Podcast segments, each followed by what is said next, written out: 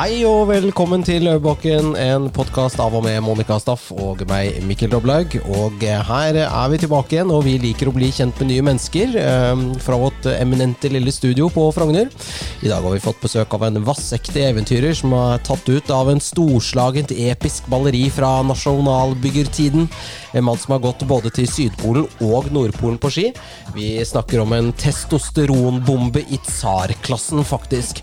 Han ferierer like lett med kongelige og kjendiser som gudbrandsdøler.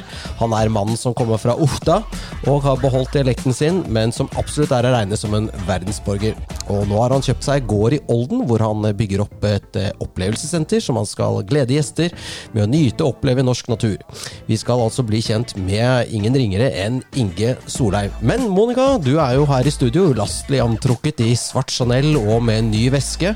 Og så må jeg si at med så mye testosteron i rommet her nå, så har jo du fått en sånn Jeg har aldri sett deg med så mildt og mildt blikk. Eh, du ser veldig avslappet ut nå, Monica. Går det bra, eller?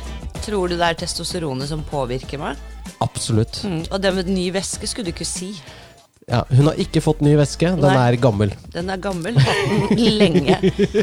Uh, nei, altså Mikkel, det, det er jo veldig inspirerende med en vaskeekte polfarer, for det er rett og slett eh, aldri mitt liv vært borti. Så av respekt så har jeg tatt med uh, Absolutt vodka, eller Vikingfjord-vodka. Viking Fjord. Ja, det er begge deler. En svensk og en norsk. Og litt uh, ice cubes, eller isbre, til å ha oppi, for å feire at vi rett og slett eh, har en som har vært både på Nordpolen og Sydpolen. Ja, nå leser jeg at uh, NVE sa at uh, det var veldig mange isbreer som har blitt borte i det siste. Er det deg, eller? At du er ute og hakker dem, eh, putter dem i Ja, det er i hvert fall delvis min skyld, da. Jeg har et kjempelager her borte på Frogner hvor jeg liksom lagrer det. Så jeg skal ha Fordi det, altså, altså, det er sånn isbit, det må være ordentlig. Ja, de var gamle. Nigardsbreen og Ja, ja, ja. Jostedalsbreen og stadig vekk borte og hakke meg en liten bit, så jeg kan ha liggende i tilfelle jeg får fint folk på besøk. Mm. Og det skjer jo hele tiden. Ja, det er derfor isbreene blir borte i enorm fart. Yes. Ja. Så jeg vet ikke helt, det der Parisavtalen og sånn, det kommer ikke til å funke i det hele tatt, fordi jeg kommer til å forpurre den. ja. Du bare reiser til Paris, du er ikke noe avtale med dem.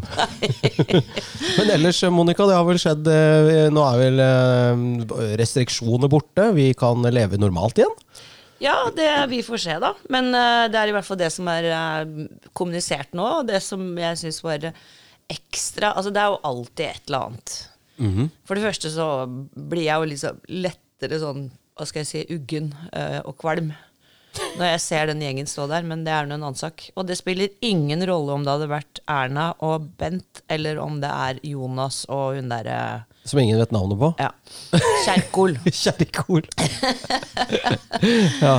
Men det som jeg syns er helt spesielt, det er jo at de sier at de anbefaler de som ikke er vaksinert, å fortsette å bruke munnbind. Ja, det er veldig rart, i og med at eh, det spiller ingen rolle om du er vaksinert eller ikke. Du, du Nei, men sprer også jo kunne de ikke korona. da likså godt liksom sydd på de en sånn gul stjerne på jakken? Liten sånn stjerne. Det er det de er prøver det ingen på. som ingen, altså, Det fins jo en del nervevrak rundt omkring av forskjellige årsaker som fortsatt vil gå med munnbind fordi de er livredde, fordi de, er, altså, de har psykoser eller hva det er, eller at de har et sykdom som gjør at de føler det tryggere å gå med munnbind. De kommer jo ikke til å tørre å gå med det nå, fordi da tror jo folk at de er uvaksinerte. Og med den hetsen som har vært mot de uvaksinerte, så kan de risikere å få juling. Da er de antistatlige holdninger. Antistatlige holdninger. Dette skal vi tilbake til litt senere, men ja. ja, Ja. Nei, men jeg, Nei, jeg det, read det, har jo, det har jo blitt veldig populært nå. Antistatlige holdninger. Ja, Såpass populært at det har blitt en trussel, faktisk. en trussel. Men uh, vi har jo fått en, en, en polfarer inn i studio her. Mm. Eh, eh, han kom ikke med telt og pulk og full oppakning. Han, han ser faktisk helt normalt kledd ut i dag. Uh, men vi har jo da gjort litt research på deg. Velkommen til studio, Inge. Tusen takk. Det er fryktelig koselig å komme hit. Og fin anledning til å komme inn i storbyen og se støkk lever. Er det imponert? Jeg er impregnert. Ja. ja, det er du sikkert. Ja. Det er vel en fordel når man er ute i kulden, vil jeg tro. Men eh, Inge, fortell litt om deg selv. Du kommer fra Otta. eh, Ofta. Eller Orsta, eh, midt i Gudbrandsdalen. Og, og plutselig så fikk du lyst til å bli altså hvordan er, hvilken, Går man på en skole for å bli polfarer? Tar du eksamen artium? Altså, hvordan, hvordan er det du blir det? For det er jo det er ikke ofte man møter slike folk. Det er en litt rar tittel. som er- Det er en tre-fire land som har den tittelen. Og, og for, for de fleste er det ganske definitivt liksom, Hvis du er polfarer, så er det fordi du er på Polen eller går på Polen og jobber et eller annet sånt der. Jeg har eldre følt meg Eller at du er mye på Vinmonopolet. Ja. Ja. Det er, jeg er avholdsmann, så det er, det er jeg dårlig på. Men eh, eh, jeg har aldri liksom følt meg komfortabel med den tittelen, for at mine polfarerhelter var jo Nansen og Johansen og eh, Amundsen og Shackleton og ja, de, den gjengen, da. Så, mm, og så falt egentlig Johansen vekk fra lista når jeg skjønte at han var en koneplager og, og diverse ting. Så da, da forsvant han, og de ble diska. Han ble cancelled. Ja, han ble cancelled. um, tidlig cancelling. Men uh, det, det, er, det er en rar tittel. I, I Norge så betyr det noe, i Russland betyr det noe, i, i England og, og kanskje Canada og sånn. Men de fleste andre land i verden så er det ingen som har noe forhold til det. Og dem- Nei, de går det- det til betyr- Polen. Nei. Du kommer ikke til Mali i Afrika og polfarer og blir liksom bejublet. nei, jeg gjør ikke det, altså. Jeg gjør ikke jeg. Det Altså, er ikke de veldig imponert over, for å si det sånn. jeg var fryktelig heldig og fikk lov til å vokse opp i Otta, da, med, med, eller på Otta, som å si. Um, og da hadde jeg Rondane på ene sida, uh, Jotunheimen på andre, Dovrefjell eh, nordover, og så hadde jeg Sjoa og, og, og Gudbrandsdalen uh, sør, da. Og det var fryktelig fint. Det var som å vokse opp i en fornøyelsespark hvis en hadde da interesse for aktivt, livs, eh, aktivt friluftsliv. Um, der fikk jeg bryna med, og så uh, klatra en del og lik, og så i 1999, eller nei, faktisk 98, så ble jeg spurt av en ekte polfarer som heter Børge Ausland, Ja. om jeg, fikk, om jeg hadde lyst til å være med og arrangere en uh, guida tur til Nordpolen. Uh, da ble vi enige om det oppe i, på Høvringen i, i uh, Rondane. da. Og så Prillauguris land. ja, og så lærte jeg fryktelig mye av henne. Jeg var heldig for å uh, arrangere to turer med henne, og så arrangerte vi noe greier seinere. Men du sier hen? Det er også liksom Han. Han, Ja, fordi nå er det jo Nei, han, Det er. Gudbrandsdøl. Dette, ikke- dette er ikke politisk korrekt. Det er Nei, det var nettopp det jeg lurte ja, for da sier de hen. Hen. Ja. Han hen. Ja. Hen, Hen. hen, ja. Er, ja. hen, er en, hen er en fin fyr. Ja, hen er en fin fyr. Ja. Så det, hen har vært i norsk språk veldig lenge. Ja, Så da skal ikke dere begynne å gjøre narr av det. Nei. Nei, nei da. Det, det skal vi, skal Dette, vi dette, sa oss, dette sa oss mens dere fortsatt var danske. Ja, jævlig bra. Men eh, helt, helt utrolig. Men, men fortell bare litt sånn eh, Hvordan er det å gå ja, for, Hvor har du gått? Eller altså, hvilken poler har du vært på? Jeg, jeg, guide, ja, Hvor mange? Ja, Hvor mange poler har du vært på? jeg guider, jeg guider altså For meg så er det egentlig praksis bare to poler. eh, Nordpolen og Sørpolen, da. Eller Sydpolen, som jeg sier. Eh, og så har jeg vært heldig og fått guida ja, noen, noen turer til Nordpolen. 20 i alt. Oi. Og så har jo vært seks sesonger i Antarktis og Sydpolen, da. Og så er det mye like, Grønland og andre ting. For mange av mine kunder forbinder meg jo med kelle plasser fordi at de er fra Norge. Så, så de spør ikke nødvendigvis meg først om å guide i jungelen eller i, i ørkenen, men det er en, egentlig samme greia. Det er samme logistikkutfordringen og, og, og type kompetanse som trengs. Men Men du har ikke gjort det. Jo, jeg guider i ørken, ja. Liksom Moab og andre ørkener i Liva og ja, Empty Quarters og sånne ting. Men Er- det er ikke så, er er ikke så etterspørsel etter det. For Men det er jo- likt? det er, frykt, det er fryktelig mye likt, fordi at det er, det er, du skal pakke strukturert og forberede godt fysisk og, og psykisk og ha riktig utstyr med det. Og, og pussig nok så er det også eh, moisture management som er tingen. Altså, altså Du må passe på at du ikke svetter for mye, og du skal rehydrere og ja, my, Mye av de samme utfordringene. Ja, pussig nok. Jeg merker at jeg heller ville vært med til Nordpolen enn på sånn ørkentur. altså. Ja, for faen, det er varmt og jævlig. Ja. Ja, Sand mellom tærne og Ja. Og for oss, nordmenn, for oss nordmenn som har vokst opp med altså, kle på oss votter sjøl og, og holde oss i bevegelse og ta slå noen floker og like ting, så takler jo oss mye bedre kulda enn varmen. For at varmen kan du ikke rømme fra å kle ute. Den, den må du liksom bare håndtere, da. ja. Så jeg, er jeg foretrekker det. Ja, men eh, det, det Ikke de lærde strides, men eh, min, min onkel Ja.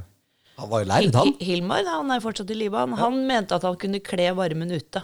Ja. ja, det kan godt hende. Det, dette kan Mm. Han jeg gikk alltid med lue på sommeren når det var ja, varmt. det gjør de, det gjør de i, i, i Afrika òg. Da jeg har vært der, så Ja. går de med luen på.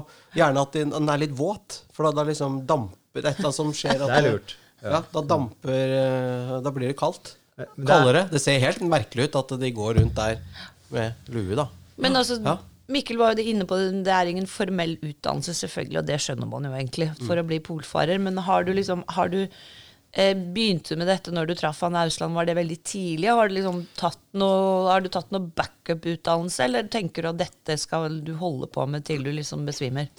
Nei, altså det er, en, ja, det er ikke noen strategi eller plan bak dette. her. Jeg, jeg liker å drive med dette. her, Og så har jeg jo sjølsagt altså Før Ausland inviterte den derre polturen, så drev jeg jo og guida i Rondane og Jotunheimen og, og på Svalbard og lek.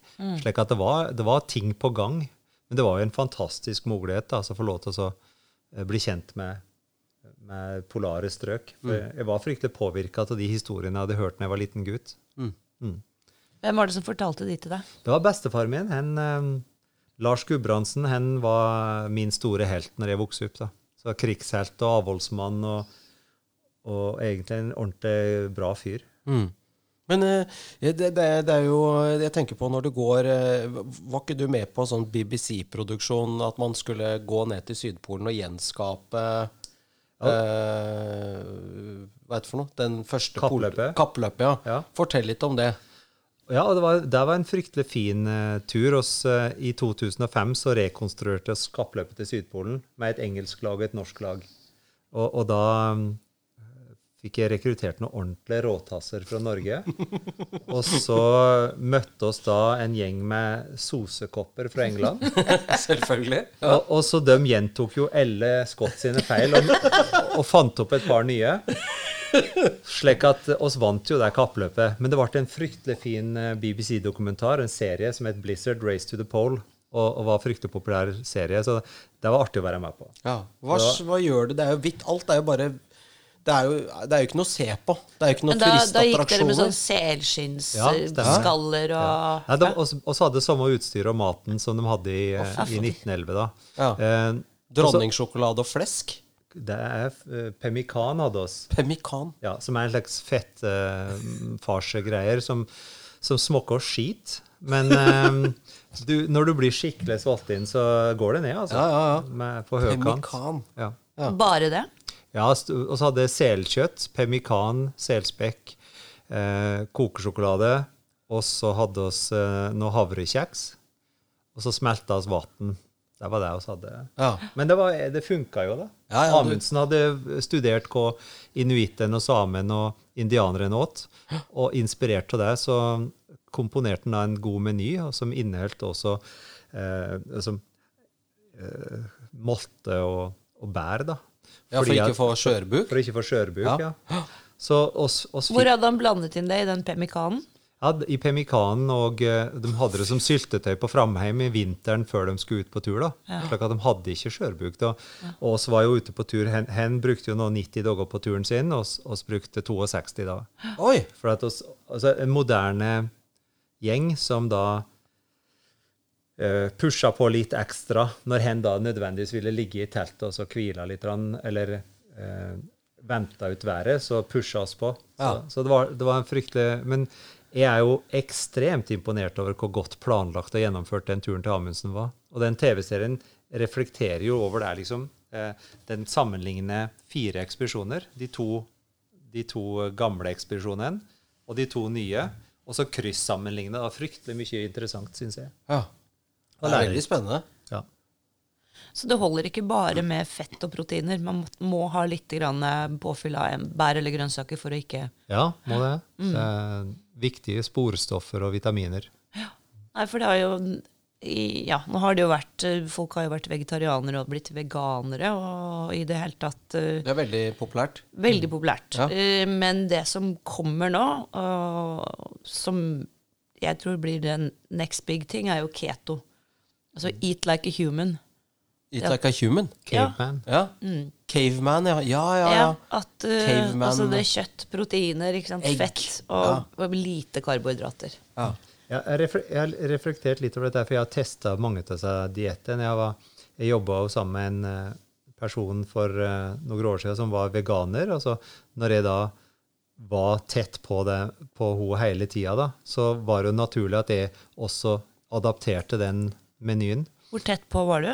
Nei, det var, det var ganske tett på, for det, eh, det var sånn close protection, så det måtte være ganske tett på. Men, men eh, det, var, det var mer det derre Poenget mitt var jo da at jeg testa å være veganer et år. Ja, Og det responderte kroppen min voldsomt positivt på. altså. Det gjorde det, ja. Ja, ja. Jevna ut energinivåen og følte meg sterkere og friskere og ja, på alle måter. Så du skal ikke bare le av det, altså?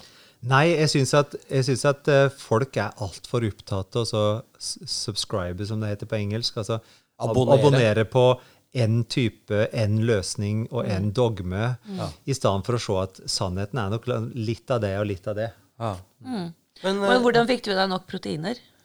Ja, det er jo ekstremt mye plantebaserte proteiner.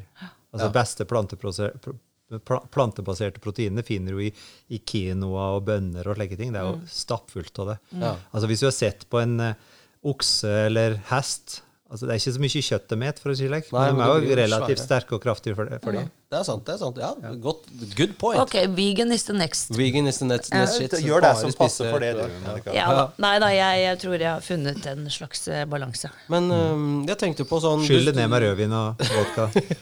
La meg si det sånn. Det også. Da går det det. Det, det hører med i et variert og fint kosthold. Gjør det. Da drikker du mye druer og sånn, men jeg tenkte på eh, sånn å holde seg i form. Altså det å gå Hvor langt er det til Sydpolen, sånn i kilometer? Det varierer hvor du starter fra. Ja, det, er, det stutteste er liksom 500 km, og så kan du gå eh, 2000 km hvis du starter på andre sida av kontinentet. Ja. Men det er jo, det er jo så 500 km, det er Oslo-Trondheim. Ja. På ski med pulker og opp og ned og Det er, det er du, går, du skal jo gå fra For at liksom skal telle, skal gå fra, fra der kontinentet starter, da. Altså, og inn til polpunktet. Men jeg er ikke så opptatt av disse tingene der. For, Er det, ja, er det, er det motbakke hele veien, eller? ja, de første, første par ukene så er det motbakke, for du skal, opp, du skal opp til 3000 meters høgde.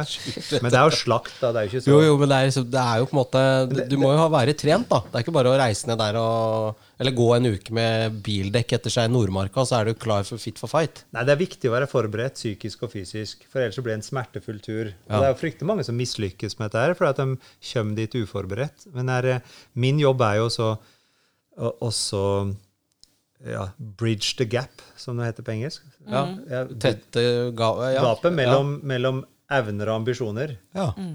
Sånn Ja. at det, Det er mange som kommer med og har en illusjon om at dette kan de gjøre neste uke. Så da er min oppgave å sørge for at de da får realistiske um, ja, Men er det, Mål. er, det, er det liksom enklere å gå til Nordpolen?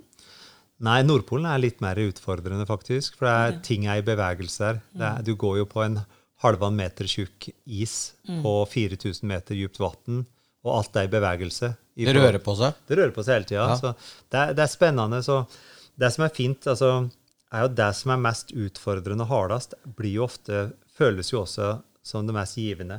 Ja. Så jeg trives jo mer, mer- mer på Nordpolen og Polhavet enn jeg gjør i Antarktis og Grønland. Ja. Jeg leste et eller annet, det var en annen ekspedisjon som gikk, og så, og så, og så slo de De hadde gått ganske hardt, og så slo de i leir. Og så dagen etter, i løpet av natten, så hadde de drevet på en måte tilbake Så De var på en måte eh, like langt som eh, Ja, altså det, de var nullet ut, da. Hele den dagen før var, var bare De hadde bare drevet tilbake igjen, så det var vanskelig å komme seg nordover, da. Ja, det har skjedd med flere ganger. Ja. Og, og det du må da gjøre, det er at du må bare rett og slett peise på med lengre dager og sove mindre. Ja, ja, for å nå fram, ja. Ja, ja ferdig med det. Men altså, hvis uh, Nå er det jo da helt klart, Mikkel, at det blir først Sydpolen på oss før det blir Nordpolen. Så Ja. vi, vi, vi Da står det stille, i hvert fall. Eller Polet på. Briskeby eller noe. Polet på Briskeby. Briskeby. Det, Vi begynner der, vi. det, der har vi vært. Ja. Masse. Og det, det ganske- fikser vi. Det klarer vi. Ja, så vidt. Det er Men- dramatisk. Sydpolen, altså hva, hva skulle vi to gjort for å liksom klare den turen? Det er bare det viktigste er at jeg vil det nok, da. Um, det er fryktelig mange som har drømmer og visjoner, men så har de ikke vilje nok til å sette i gang og gjøre det som trengs. Eh, min eh, gode venn eh, Winston Churchill sa det at eh, sometimes doing your best is not enough. You have to do what, what is required. Ja. Så du må gjøre det som trengs. Ja. Ikke det mora di er fornøyd med, ikke det du sjøl tror at du kan, men gjør det som trengs for å løse oppgaven. Og det, vi, med, den, med den innsikten og uh, attituden, så For å bruke et gudbrandsdalsuttrykk, så da, da når du målene dine. Så du er en motivator, på en måte? Jeg er motivert, i hvert fall. Eller hva heter det for noe Ikke, ikke, ikke, ikke, ikke psykolog, hva heter det for noe sånn Coach. Coach, ja. Ja, ja, ja. ja. Det er, vel, det er vel en slags type det, Jeg syns det er litt utbrukt uttrykk, men det er vel den funksjonen jeg har fått etter kort. Fordi at uh, der er da først b- brukt å definere min oppgave som guide og lede folk fra A til Å, eh, eller A til B. Det har jeg umdefinert, um, umdefinert nå til å være mer en slags eh, veilederrolle, fasilitator, slik at eh, de kan gjøre det trygt og, og, og eh, godt for folk å gå inn i en prosess hvor de lærer mer om seg sjøl og sprenge grenser og slike ting. Og jeg, jeg har fryktelig tro på at prestasjoner er viktig for samfunnet. Altså at, at, um, at du skal liksom moderate mål og være realistisk, det syns jeg er litt sånn fallitterklæring. Du, du skal presse deg sjøl litt hele tida, fordi det er så mye læring i det. Og så det som kommer med ekte prestasjoner, at det kommer en trygghet i det sjøl også. En sånn sjøltillit som er forankra i erfaring, i stedet for tillagt av eh, foreldre som, som 'blowing smoke up your ass'. liksom, at du, altså Foreldre som sier at du er pen og flink og god og legg. Det, det har jo ingen verdi når du møter verden etterpå. Så prestasjoner fra ung alder, eh, finne ut hva ungene dine eller vennene dine er flinke til og har litt talent til, og så få dem til å pushe på akkurat det, så de får oppleve prestasjoner. Trygge folk, vet du, som, som har en djup og forankra sjøltillit, de oppfører seg jo jævlig fint overfor andre folk òg. Mhm. Det er jo bare, det er bare idioter og usikre folk som oppfører seg dårlig. Det er sant. det er sant. Ja, Man blir sånn lung. Det er jo sånt som bare for hundeverdenen. da. Små gneldre bikkjer, og så har du de store hundene som bare er veldig lugne, som regel. Er det ikke litt sånn da? Martin og Trygve, bikkjene dine, de var jo sånn. Ja, nå var jo Martin kokos, da, men Ja, ok, men det, okay, men det, det gjelder ikke. Men han var, jeg hadde to to ja, Trygve og Martin. oh, yeah. Men du Men, eh, ja. nei, nei, Mikkel. Jo. Jeg hoster litt der pga. korona, men det går bra. Ja. Ja. Altså, eller man kan også kalle det en eh, forlenget manflu. Yes. Mm, jeg tror vi kaller det det. Er vi gjør det. Kan- Nei, for det du snakket om, Inge, om dette med at uh, uh, man skal nøye seg med, med sant, middelmådighet, kan man si, da. Og det at vi, eh, vi, skal, vi skal ikke oppleve sult, vi skal ikke oppleve ikke sant, ukomfortabelt, det skal ikke være kaldt, det skal ikke være for varmt, det skal ikke sant, og du, Hvis folk er liksom for tjukke, så det er ikke lov til å si, og ikke sant, og altså ja, alt skal liksom bare være sånn woke og fint, og ingen skal ha det vondt, og ingen skal bli krenket av noen ting, og ingen skal bli utfordret av noe fordi at alt må være trygt. Ja. Det er der vi er nå. ja, vi er på vei dit. Og Ja, vi det er er helt enig med deg. Det er fryktelig farlig for samfunnet Ja. at vi får en gjeng med sånne pushovers, som jeg kaller det. Så idet du kommer borti de, ikke sant, så, så faller de jo sammen, for de har jo aldri møtt motstand i hele sitt liv. Mm. Det, er- det er, jeg har jo meninger om dette, og så har jeg jo også skjønt at mine meninger teller jo ikke i sånn global sammenheng. Men meningen min er basert på at jeg har sett hvor galt det går når, når folk blir litt sånn forvare og såre og sårbare. Um, og også sett hva så positivt som skjer i livet til folk som når de blir robuste. Mm. Og så tåle motgang, og, og tåle at andre er uenige med dem, f.eks., eller eh, tåle at, eh, at noen faktisk du, du kan ikke gå gjennom livet utafor motstand. Jo, men det er det jeg tror mange ønsker. Holdt, eller Ja. kanskje ikke ønsker, men det er det, er det som ser skjer. Det er det de legger opp til. Ja, Du ser det jo på salget av smertestillende og bruk av psykologer. Og, og jeg er jo veldig opptatt av at det skal være gode tilbud for å, å hjelpe folk med mental helse og like ting, og full åpenhet om slike ting.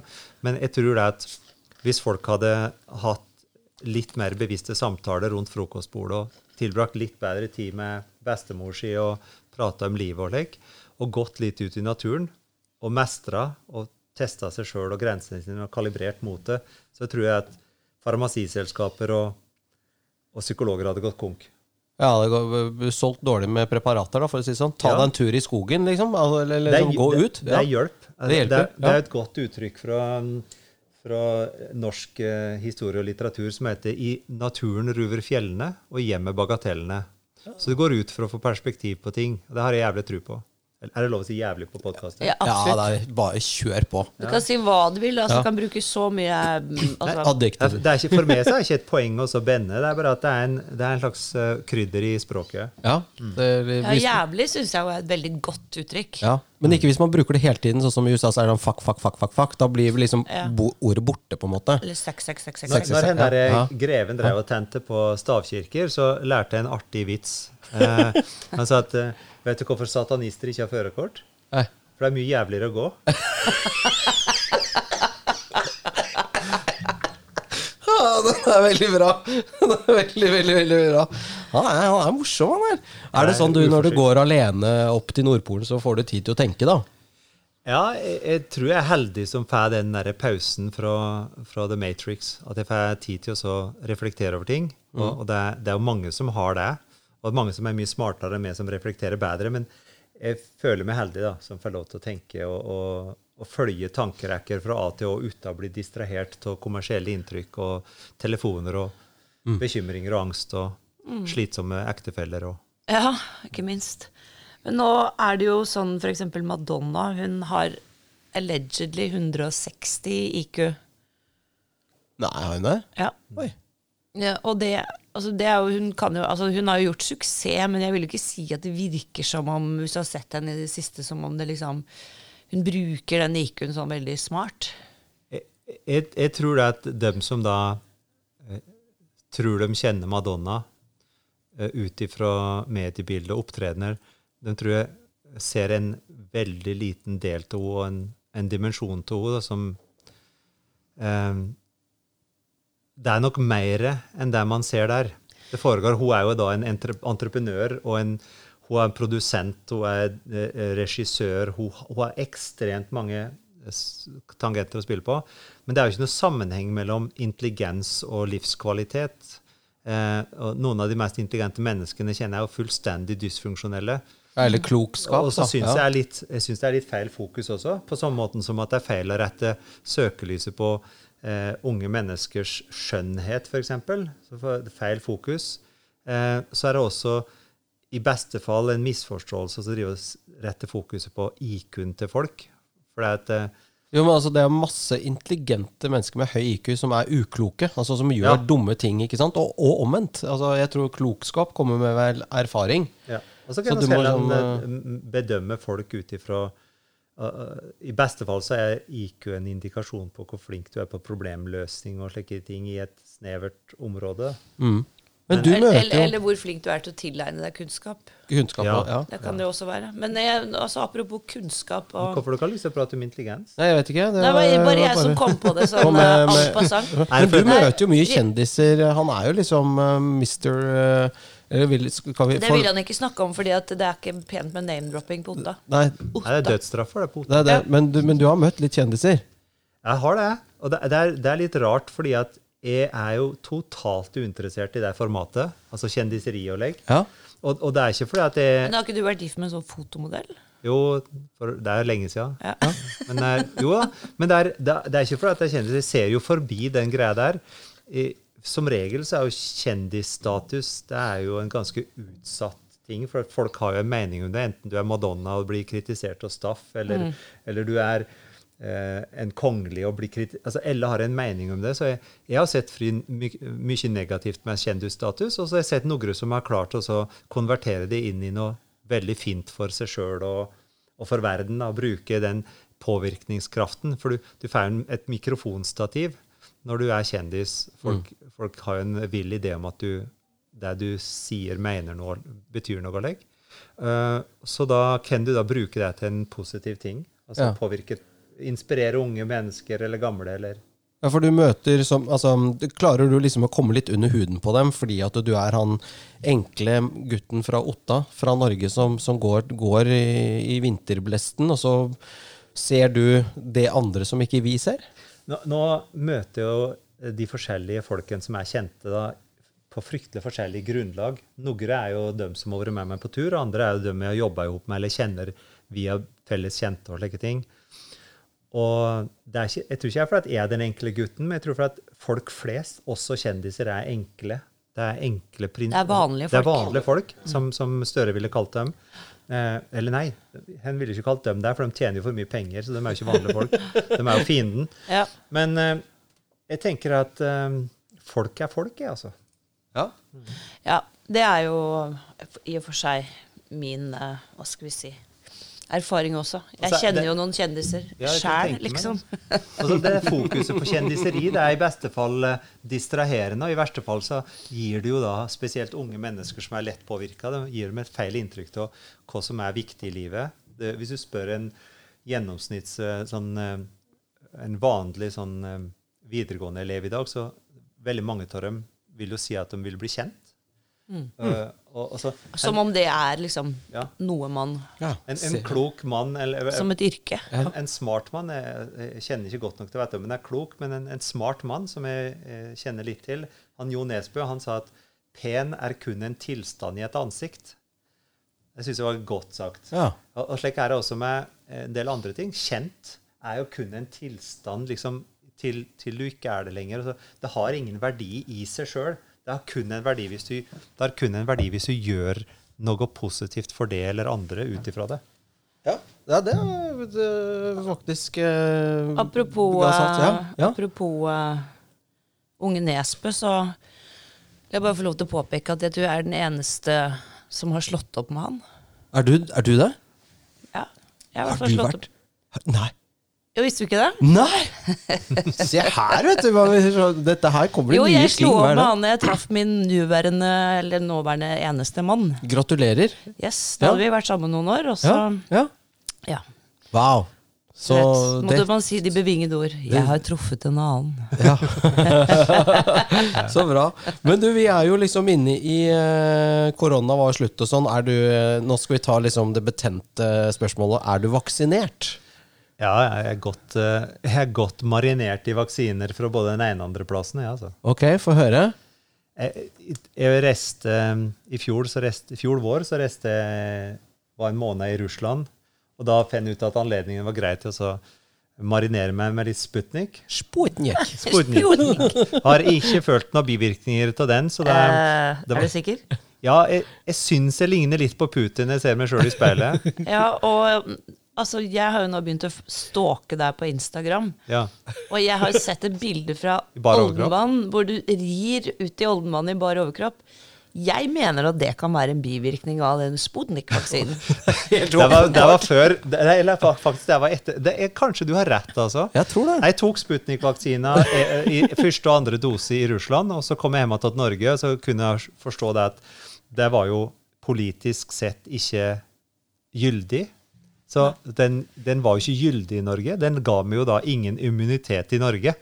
Det er, det er jo faktisk helt Ja, det er veldig bra. Så da, da tok jeg like godt Pfizer eh, i juni, og så tok jeg Moderna i august. Og den Moderna den, den hadde litt sånn eh, kjipe reaksjoner på. Men eh, jeg er godt marinert. Ja. Og så, jeg skal ikke ta noen boostervaksiner, for jeg syns jeg er en forferdelig overkill akkurat nå for mitt vedkommende. Jeg føler meg sterk og klar, og, og jeg skal heller ta den derre eventuelle koronainfeksjonen som måtte komme i framtiden på strak uh. Ok, Så du tar ikke boosterdose? Nei, det skal jeg ikke gjøre. Nei? Nå er vi inne i sånn Joe Rogan-land. Men da, da blir jeg sikkert en fiende av staten. her, Men eh, jeg er ikke, jeg er ikke vaksinemotstander. Altså, jeg, vil at, jeg vil at dem som da lytter på, enten da via podkasten eller via telefonen min, hører at jeg er ikke vaksinemotstander. Og jeg er ikke fiende av staten.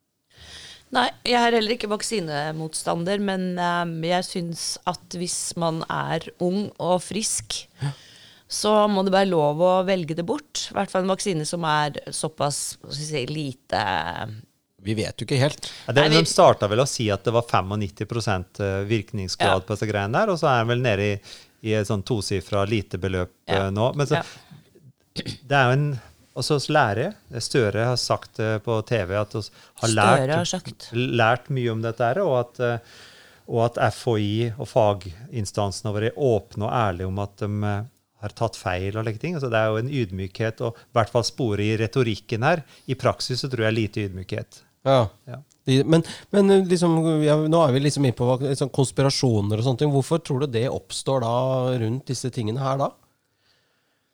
Ja, Det er vel øh, fasettert. Altså, jeg har ikke så mye kompetanse på disse her tingene. Jeg er jo ikke så veldig interessert i politiske prosesser sånn teknisk sett, men jeg ser jo hvilken effekt det har på meg og folk. Og det, det fascinerer meg at det er så Det virker relativt uklokt måten de prosessen foregår på, måten de kommuniserer på. Litt slik ovenfra ned og arrogant. Og så virker det som de bruker veldig mye penger på PR-byråer og manipulere, liksom. Vår altså vår, våre holdninger skal manipuleres, skal lede oss inn i en rett måte å tenke på. Og da blir jeg litt sånn skeptisk. Ja. Og da er jeg ikke konspiratorisk, men litt sånn skeptisk. Og så syns jeg at det, altså, hvis du ønsker tillit og, og troverdighet, så skal du slutte å hemmeligholde prosessene, f.eks. Eh, Erna hadde jo lyst til å så hemmeligholde dette her i 50-100 år. sånn. Det er jo helt uh... Ja, da får de vann på mølla, disse her Ja, altså- Ja, men det er jo helt merkelig. Det er jo Hvorfor i all verden? Hva er det som er så Det er også et godt poeng. engstelige Ja. folk, uh, taxisjåfører og andre som sitter og har mye tid til å tenke, eller polfarere, vil jo si at hvorfor gjør de det? Hvorfor vil de ikke være åpne om prosessen her? Har de da brukt folk eller teknikker eller sånt til å så manipulere oss? Er det, er, det, er det avgjørelser tatt på veldig sviktende grunnlag eller med andre intensjoner enn det de vil at oss skal vite? Det, det, det, jeg syns at de har vært i beste fall arrogante Ja. i måten de har håndtert dette her på, og, og ser nesten ut som det er litt sånn klønete håndtert av, av både faginstanser og politikerne som har fronta det. Disse rockestjernene som har stilt opp på TV tre-fire ganger i uka like, og, og blitt sånn der, Korona korona, Heroes. koronahelter. Nakstad og Ja. så videre. Ja. Ja, Nakstad er et lite artig fenomen, for han virker som en fryktelig sympatisk og fin fyr. Og så har han da klart å få tid til å skrive bok og gjort mye rart, da. Og, og, og så jeg er litt Nakstad han syns jeg virker, virker bra og, og faglig dyktig, og, og så har han jo blitt gjort til som posterboy. Jeg er ikke sikker han er glad for den rollen henne, altså, jeg vet ikke. Men eh, jeg synes jeg jeg er mer skeptisk til politikere som da bruker stylister og, like, har sånne der portrettintervjuer i VG og slike ting. for også. så men det er sikkert en del av det politiske livet som jeg ikke forstår. Ja, noen må jo ha en Hva heter hun der som kom i sånn burkatelt? alt- Nei, jeg vet for noe. Hun der olje- og energiministeren som kom i sånn poncho. Ja, Marte Mjøs. Persen. Hun trenger jo en stylist, da, stakkars. Folk må få lov til å gå kledd akkurat som de vil, men det er, Nei, Nei. ikke når du er statsråd. Nei, fordi at vi, vi hva, Si om det til Kosmo, da. Ja. Men poenget er, er er at det er, det er litt sånn respekt for embetet, tenker jeg. Og respekt for altså hvis, for eksempel hvis du går i en begravelse, da. Mm. Ikke sant, så har du litt respekt for anledningen, og respekt for den avdøde, og respekt for de pårørende. Mm. Og da kommer du ikke dit til liksom en blomstrete Rosa smoking. Nei. Ikke sant? Der, der, der, der tror jeg at dere representerer litt mer eller konservativ eh, Det er kanskje vi som er helt off? Nei, jeg, synes, jeg tror kanskje dere bare er litt konservative. Dere, liker, dere liker disse symbolene der på Ja, altså, jeg vet jo du, eh, Mikkel, du, du liker jo å kle deg i samme klærne som bestefar din. Dress og like ting, sant? dress. Ja. Mann i dress! jeg for mitt vedkommende liker like, praktiske og komfortable ting. Ja, ja. Men, men jeg skjønner hva dere mener, men jeg tror, jeg tror, ikke, jeg tror ikke jeg skal gå ned på det nivået og så drive og ha like, der terningkast på hva politikeren klær seg i. altså. Nei, altså du kan si at de må, de må gjerne Altså, Jeg tenker ikke på kvaliteten på dressen, eller sånn, men jeg tenker sånn som når de var Du kommer ikke av med sånn- Adidas joggedrass på, på debatten, liksom. Nei, eller sitter på sånn eh, Hva heter det Minnegudstjeneste i domkirken i liksom joggesko og shor- Adidas-shorts, liksom. Ja. Hvis, er Jeg syns det er helt upassende. ja, hvis du er statsråd og um, klær deg akkurat som du vil, så skal du i hvert fall være ekstremt dyktig. Ja, det er sant. Ja, ja. der er de ikke. Sånn, eh, Nei, var altså, i, der, der, der er bommer jo hun litt. i, Engl. I England så lærte jeg det for noen år siden at eh, Jeg bodde jo i London i mange år, og så lærte jeg at eh, eh, Der er de i hvert fall konservative. Uh, a, a man in a suit is impressive until you know that he works for a man in T-shirt and shorts. Ja, det er true. Ja, ja, ja. ja, det er sant. Det er sant. Mm. Det er, det er sant. Ja, Så du har bodd i London. eh, Ok. Eh, hvordan, eh, hvordan var det? Det var fint. Det var Ja. hun der tidligere nevnte modellen som Ja. uh, var, var engelsk. Og, nei, det var lettere å finne ut av det var lettere faktisk for oss å bo Vi bodde jo innledningsvis i Norge, Mm. men det var lettere for oss å bo i England, for det var faktisk et mye mer inkluderende samfunn enn en Norge da. Mm. Så, mange nordmenn som kan engelsk og slik, men, men også opplevde at det var ikke lett å integrere seg som oss, det var ikke så lett å integreres for henne som oss trodde. da. Nei, men hvor bodde dere i Norge da? Eh, I Bærum. Bærum? Ja, Og det funket ikke? ikke? Nei, det, altså, det, altså hadde jo, oss hadde jo nettverk over hele Norge, egentlig, men det er, det er at nordmenn da de sier hei og er hyggelige på engelsk de første fire setningene, og så, og så begynner de å prate seg imellom på norsk. Ja. Og hun som da, da kom, ble plassert i Norge, hun rakk jo eldre å lære norsk, eh, nok norsk da, til å kunne være inkludert i sam samtalen. Så for, meg, for meg så har jeg støtt tenkt at hvis det er noen som ikke forstår språket, så prøv oss også å prate på det språket som alle forstår. Dette er interessant. Men, Det- men, jo, jo. men, ja, men jeg tenker at sånn som hvis du kommer til eh, Sånn som hun da, som da tydeligvis ikke jobbet i Norge. ikke sant? Hun jobbet mer internasjonalt. Ja, hun jobba med sånn sosiale medier og sånne ting og tang. Og ja. Ja. Så, for da har du heller ikke noe arbeidsplass du går til hvor du liksom blir kjent med folk. For det har jo også litt å si, tror jeg, hvis du kommer Men tror du arbeidsplasser som du blir kjent med folk, tror du folk er flinke i Norge til å vite at hvis det er en eller to engelske ansatte i kantina rundt bordet, tror du at folk da flest går velger engelsk som språk seg imellom, sjøl de norske? Jeg, altså det, da må jeg snakke bare for min Jeg- egen krets som jeg er i. Vi er ganske sånn som snakker engelsk, og er, men vi eh, reiser jo mye og er internasjonale. Men jeg tror, slik jeg har forstått det, at nordmenn kan nok være litt vanskelig å komme inn på, fordi kanskje man er litt usikker. Ja, Ja, det det, kan hende, men jeg, Ja. i hvert fall det jeg har opplevd, er at man er veldig flink til å snakke engelsk når det er en som person som da ikke snakker norsk i De fleste kan jo kommunisere på fellesspråket Jeg engelsk, som du kjente, sier. jeg kjente ikke det da, vet du, Monica. Så Ja. Nei, Men- det var men det. det litt sånn men, men jeg kan, må også si at noen ganger når Altså si Jeg kjenner jo Dette gjelder jo Jeg skal ikke henge ut folk. Eh, som har da bodd i, i Norge i 20-30 år og faktisk ikke klart å tilegne seg norsk, og er fortsatt forlanger å bli snakket til på engelsk, det syns jeg Nei, ja, er men da er vi way over. fordi jeg tenker Ja. at Hvis du kommer til et annet land og har intensjoner om å bli boende, så er det å kunne språket det har alt å si for å forstå kulturen. De små nyansene i språket. ikke sant? En vits. altså Ja. Alt å si. Ironi under Ja, ja. Ja, alt. altså. Jeg er helt enig i det. Og, og der, der er mye rare Men der jeg ser jeg kanskje mer en slags sånn, Det er sånn kulturelle forskjeller på Altså ja, det, det er jo franskmenn som bor i London, som, som fortsatt ikke klarer å prate ordentlig engelsk. liksom, Har bodd der nesten hele livet. Det er, det er mange type kulturer der, da. Så. Men du reiser jo rundt og møter så mye mennesker. Du er i Russland, du er i Kasakhstan, du er i United States of America. Der snakker de engelsk. Du snakker de engelsk, og du er overalt. Eh, Dette er litt interessant, for du er jo eh, fra Otta. Hva ser du liksom på kulturforskjeller på det norske og f.eks. de stedene du reiser? da? Hvordan er vi eh, Hva er likheten, og hva kan være forskjellene? Det er jo interessant. Veldig bredt spørsmål da. Ja, men det vi skyter Jeg med har vært- hagle, jeg har vært og bo så ser vi hva treffer. Jeg har jo vært og bo i Norge, for at jeg syns det er så mye positivt med Norge og naturen her og folken her. Og så, så syns jeg at det er fryktelig eh, eh, mye bedre, eh, ryddigere samfunnsstruktur her enn mange andre land. Eh, og så har ikke knekt alle kodene, slik som oss tror. Eh, det er nok mange ting som de er flinkere med, både familierelasjoner og like ting, i mange andre land enn Norge. Men det er mye positivt her. Og så har det et fantastisk utgangspunkt med ren natur og trygghet. Og jeg tror at i global og historisk sammenheng så er vel ingen som har hatt det så godt som nordmenn.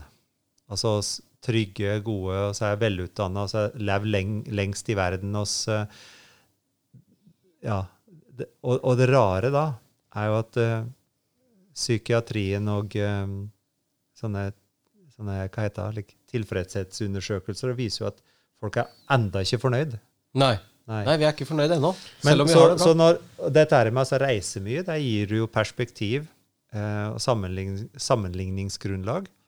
Så jeg har jo som sagt mye meninger, men jeg skjønner jo også at eh, mine kritiske skråblikk på enten nordmenn eller russere eller amerikanere, liksom, det, det blir veldig ofte tatt ut av sammenheng og slik da. Så, så jeg prøver å ikke uttale det når jeg har en mening om, om um, russere, så prøver ikke å uttale det som en sannhet, men som et inntrykk eller mening. Er de så fæle som vi nå får presentert i nyhetene? Og nå er det jo helt sånn putler-opplegg. Ja, altså nå er russerne er jo, det er jo Jeg tror ikke folk har vært så redde for Russland siden Sovjet-tiden. Det er jo et resultat, et resultat av en veldig selektiv eh, kommunikasjon og mediebilde og propaganda. Og, og så er jo den propagandaen fra der Jeg tilbringer mye tid der òg, så der, der er jo den også litt like derre Om den ikke er vest, fi, vestligfiendtlig, så er den i hvert fall skaper også distanse der. Hvor, hvor, hvor da russere føler seg angrepet og uh, latterliggjort og misforstått og like ting. Så, så den propagandaen foregår jo begge veier. Men oss er jo utsatt her i Vesten for den derre massive fordummingen av Russland. Og den er jo misforstått. Det er jo en høykultur i bånn der som i hvert fall USA ikke kan konkurrere med. Og Nei, Europa men... sliter, og Norge spesielt, da sliter jo veldig med altså, å nå opp til knehøyde på den russiske kulturen. Ja, for den er jo Tenk på forfattere, Dostojevskij, Ja, eh, Bolsjoj-teater altså, Ja, tilbake. Arkitektur og Altså, alt. Og, og, de- Du kan bare ta utdanningsnivået på, på Dumaen, liksom, Ja. og sammenligne med Stortinget, så, så faller jo også igjennom ganske mye. Og så kan du da Jeg, jeg balanserer jo dette i forhold til at jeg, jeg ser jo også på, med kritisk blikk på Norge og på USA og på Russland. Altså jeg synes jo det at det er jo trist å se at det er så forbanna korrupt der. Og at det er slik derre misforstått machokultur, og det er, det er mange ting som jeg er kritisk til. Men jeg er helt åpen og ærlig med dem når vi diskuterer de tingene der borte. Og heldigvis er mine venner i Russland er jo litt mer avanserte. Det er jo ikke, det er ikke så utbredt med den der maskuline homofobien der, f.eks., blant mine venner. Eh, og, og så er jo ingen av mine russiske venner som er aggressive, liksom. det er ingen av dem som har lyst på krig.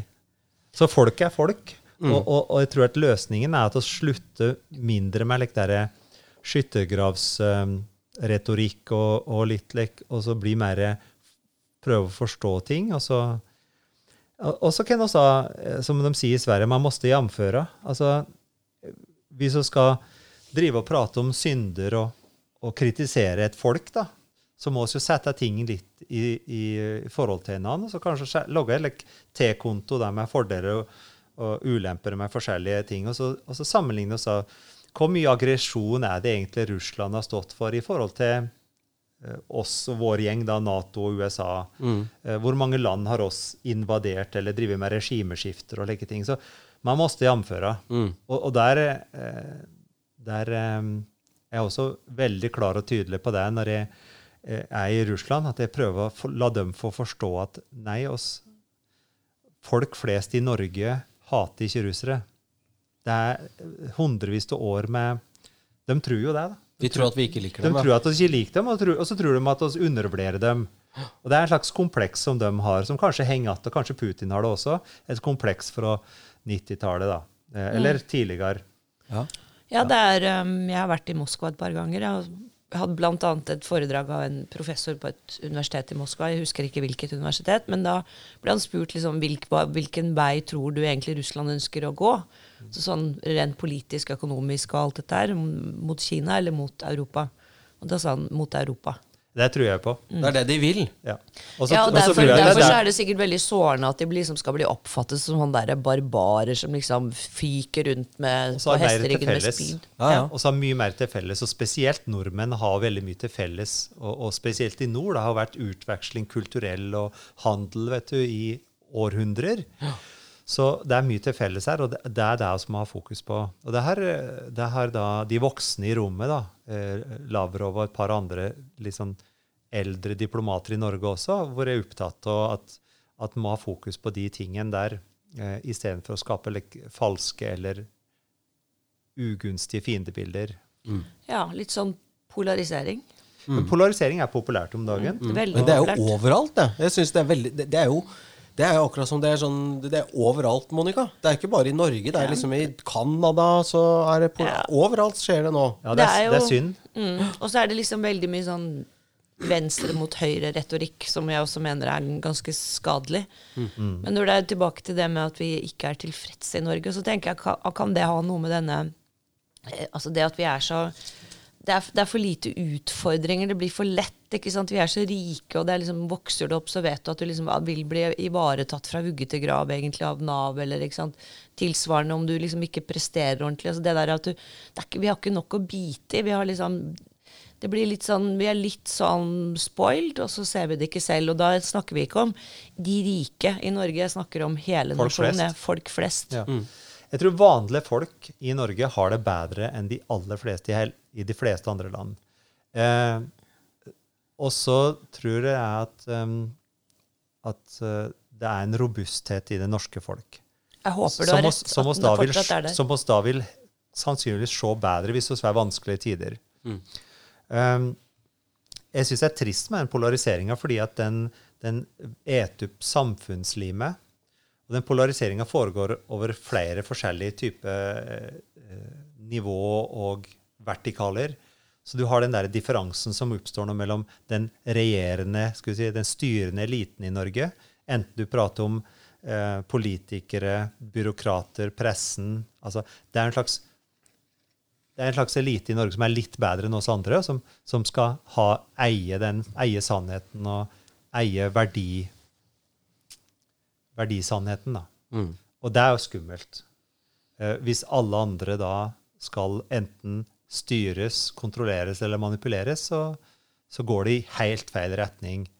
Hvis folk skal kanselleres fordi de er uenige, så får ikke tanker og følelser luft. Og så lærer oss ikke av hverandre. For det er jo ikke slik at alle på høyresida har feil, og alle på venstresida har rett, eller omvendt. Det er jo sannheten av et eller annet sted imellom. Og mye av denne distansen den fører også til at det blir jo en slags politikerforakt. da. Og, og som de da syns fryktelig synd på seg sjøl for at det oppstår. Og De føler seg trua, og de blir skjelt ut og kjefta på. Like. Og det skjønner jeg, for det er fryktelig mange av dem har jo gått inn i verven sine, enten kommunalt, fylkeskommunalt eller statlig, med gode hensikter. Og de gjør en god jobb. De jobber hardt mot en relativt lav lønn. Eh, Så der har jeg full sympati for at det virker urettferdig for de aller fleste.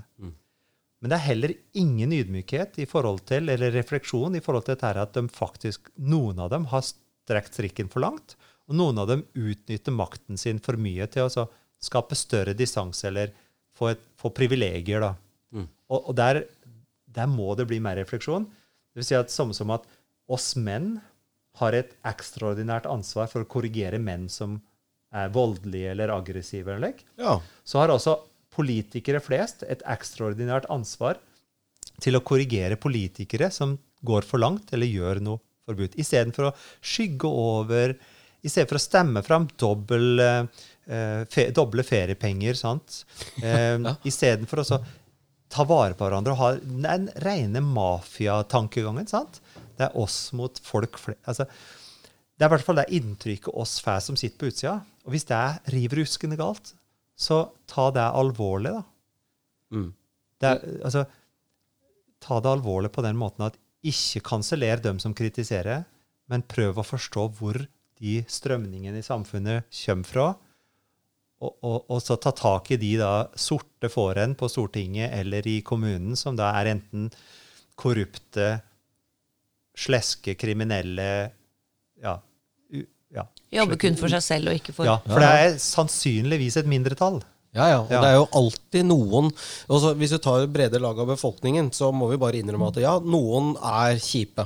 Og det er veldig rart at, eh, at de, disse Hvis det er kjipe folk i hele befolkningen, altså, så, så skal de liksom aldri klare å komme seg inn en liten crook på Stortinget, liksom. Selvfølgelig. Altså, ja, de, det de er er overalt. Det som er litt forstemmende forstemmende, at ja. det virker som det er mer av de der enn uh, snittet. Ja, bare det der reiseregningsgreiene og Ja, er- bortebo-greiene er jo jeg tror det er rett og slett en distanse fra virkeligheten. For at de har jo da blitt rekruttert. altså Vi også har jo fått en like, eh, politikerstand da, som er rekruttert fra en veldig liten selektert og prekvalifisert gruppe med folk, Ja. som da er kommet fra lag og foreninger og, og har gjort og ment de riktige tingene på vei oppover. Vært flinke nok til å være passe diffuse, slik at de ikke får fiender i politikken og internt og legg. Um, de har spilt på lag. Og den rekrutteringen tror jeg vi må gjøre noe med. Så da må oss nordmenn, da, istedenfor å gå i nødvendigvis tog og, og drive og brenne bildekk, og like ting, så må vi bruke stemmeretten vår til også, um, og påvirkningskraften ved frokostbordet og i vennekretsen og alt da, til å få fram en annen type politikere en annen type rekruttering til politikken. For folk flest er bra. Ja, det er viktig. det er jo, det er jo de viktig. lukkede nominasjonsprosessene. ikke sant? Så Det er der- der- skummelt som faen. Der må det jo en regelendring til. Og la meg si det sånn, de som, de, altså, I disse politiske kretsene så er det, tror jeg motstanden er kraftig. Ja. Og jeg tror folk flest ser ikke helt at det er der problemet starter. ikke sant? Så de blir ikke engasjert nok til at de protesterer nok eller snakker nok om det, eller legger, legger nok eh, energi og innsats i på en måte å prøve å endre på det. Og så blir også, blir også manipulert til å tro at det er eh, oss har et veldig begrenset Altså den buketten da, med folk og den kulturen som vi liksom har hatt de siste Nesten etter krigen. Og så blir manipulert til å tro at de er de eneste som er riktige til å styre oss. Og de får jo da hjelp av media da, til å portretteres i en viss uh, sammenheng. Og, og de har blitt flinke til å vite hvilke knapper de skal trykke på før et valg. Hva skal de love, f.eks.? Enten det er billigere bensin eller strømpriser eller uh, ja, hva det er for noe. Altså, KrF har sin rolle, de har sin som plate som de spiller før valget, og så har Ap sin plate. Og, så, og oss, oss, da, som da har det behagelige i Norge, oss ser på dette skuespill og sirkus her, og så blir manipulert til å tro at det skal velge mellom rødt eller blått. Som i USA. Mm. Veldig stygg og skummel forenkling. Og så også må bruke da stemmeretten vår bevisst på lokalplan, og så må bruke påvirkning i lokalplan. De som har ekstraordinære innsikt og, og energi og, og tid til det, skal engasjere seg politisk. Og så må vi bruke konsumentmakta vår, altså kjøpe varer og tjenester fra folk som, og bedrifter og produkter som er rettferdige og gode og miljøvennlige. Og. Så vi har mye mer makt enn oss, enn oss tror. Du ser det i Canada. de- Det er en påvirkningskraft der.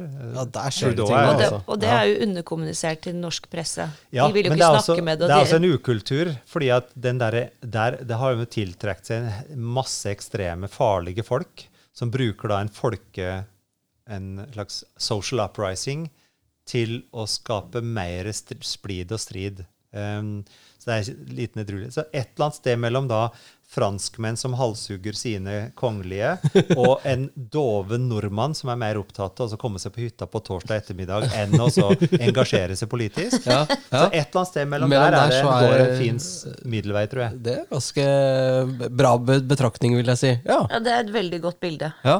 For jeg tror det er veldig mange som er der. Mhm. Men det er klart at når, når det blir tre ganger så dyrt å fyre opp den hytta som det var før, så akkurat de strømprisene har jo engasjert mange. Og det og jeg syns det er interessant å se, fordi det var jo en demonstrasjon foran Stortinget, og det er jo en Facebook-gruppe. Nå husker jeg ikke hvor mange medlemmer 600 000, tror jeg. Ja. Ja. Eh, men ikke sant, de kommer jo ingen vei. Og de sitter altså jeg, altså jeg, jeg bare sett på noen av de debattene, og det er jo, de står jo bent frem og lyver. Det som er Men det har de kommet unna med, det de kommet unna med i, i flere titalls år. Ja. Det er ingen konsekvens. Det er ingen som, ingen som gjør en sånn audit på og slutten til året hvilken politiker det er som har jugd mest, liksom. Det er ingen som, de blir ikke stilt til vekst med det. Det er en beskytta rase. Det er en sånn, det er en sånn beskytta greie. Det er sånn, ja, eh, Det verna men det er, noe, det er noe vakkert også over maktens arroganse. Hvordan på en måte også Og da må jeg si vakkert, så er det litt ironisk, men hvordan eh, f.eks. utnevnelsen av Jens Stoltenberg Det her var jo bestemt fra før, og de, de vet det, og det er upopulært, men de bare kjører igjennom. Og kjører igjennom og kjører igjennom. De kommer unna med det, vet du. Og kommer, og kommer unna med det. Det er det som skjer. Og det er Og jo så blir de de like på. overraska over at folk da har, mister tillit og respekt Ja. for dem. Mhm. Det er der den der disconnecten den har gått for langt. Altså, den, Og da kommer PST med rapport om at nå er, nå er det antistatlige holdninger. Ja, og da, sant, da, går, da ringer de til PST og gråter i telefonen og sier 'Nå er det så mange som er imot oss'. de skjønner ikke, ikke sant? For, altså, så får de PST til å definere disse som da faktisk eh, ja, har mistet tillit, stiller spørsmål, er skeptisk, som fiender av staten. Og da lurer jeg på hva slags terror de tror disse menneskene skal utføre. det er masse idioter og farlige folk ute der. Ja. Og de vil jo da kaste seg på enhver sånn type eh, greie som da eh, sånn, Litt sånn misnøye mot staten vil jo kaste de idiotene og farlige folkene kaste seg på. Men de er ikke representative. Blant de 600 000 i den derre strømforeningen Ja. Så er nok de aller fleste moderate, fornuftige, gode folk som bare ønsker å få klarhet i hvorfor har noen solgt arvesølvet vårt, og hvorfor er en liten elite som har lagt på et sånn derre kunstig lag i den handelen mellom strømprodusenter og konsumenter, og lagt på et lag eller to med eh, profittjegere. Mm. Ja. Og det, og dette er Noen har gitt bort arvesølvet vårt her. Ja. Det syns jeg er feil. Ja, det, det er det er ikke bare kontroll. feil. Uten konsekvens. Ja, Og så- har det jo noe med at de som da Si ikke sant, og Nå snakker vi om vanlige folk. Mange har hytte. Det er vel 400 Hvor mange, er det, mange hytter er det i Norge? Vi snakket jo om dette under hytteforbudet. Og de fleste av dem er jo ganske ordinære, vanlige hytter. Men når folk faktisk mister Vi snakket om dette med Elin Ørjasæter. Når de mister kontrollen, forutsigbarheten over sitt eget liv, for de har kjøpt denne hytta. Ikke sant? ha Har kontroll på økonomien, men når det blir tre ganger dyrere ikke sant? i å, å fyre opp denne hytta med strøm, så er det for noen så betyr det at de har ikke råd til å ha den hytta lenger. Ikke sant? Og da mister folk kontrollen over livet sitt. Og det er vanlige folk som har kontroll på økonomien, og som har kontroll på det og har forutsigbarhet i forhold til at de har tenkt at strømregningen blir ca. sånn. Det skal vi klare. Og det er jo det med sta staten må være forutsigbar. Ja. Hvis du bor i et land med en forutsigbar stat, så eh, får du liksom ro. Da kan du planlegge livet ditt. Men, eh, og når jeg sier da staten, så tenker jeg at i og med at staten eier omtrent alle strømselskapene og, og alt sammen Det er så- altså et så- så- ran her, vet du. Ja, et det er- ran, det er det, og det er uforutsigbart. Det er ikke staten som har rana, men det er jo en hel gjeng med inkompetente eh, byråkrater og politikere som har latt spesielle interesser få lov til å konstruere det der profittlaget ja, da får du en uforutsigbar stat. For det Ja, er statskraft, og så eier alle kommunene kraftselskapene. Så du får på en måte en Jeg kaller bare den strømregningen en ekstra skatt. Men til alle konspirasjonsteorier innen strømbransjen, eller strømfenomenet eller Ja. strømgreiene, så vil jeg bare dessverre si at jeg tror det er rett og slett mye enklere enn som så.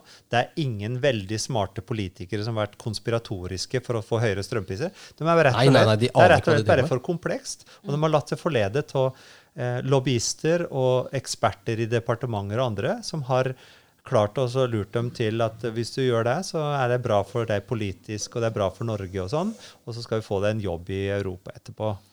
Eller, Ja, det er ikke, altså, det, er det er veldig fåtall, da, men jeg tror det er forleda. For at oss gir de politikerne litt for mye kred. Altså. De er Ja.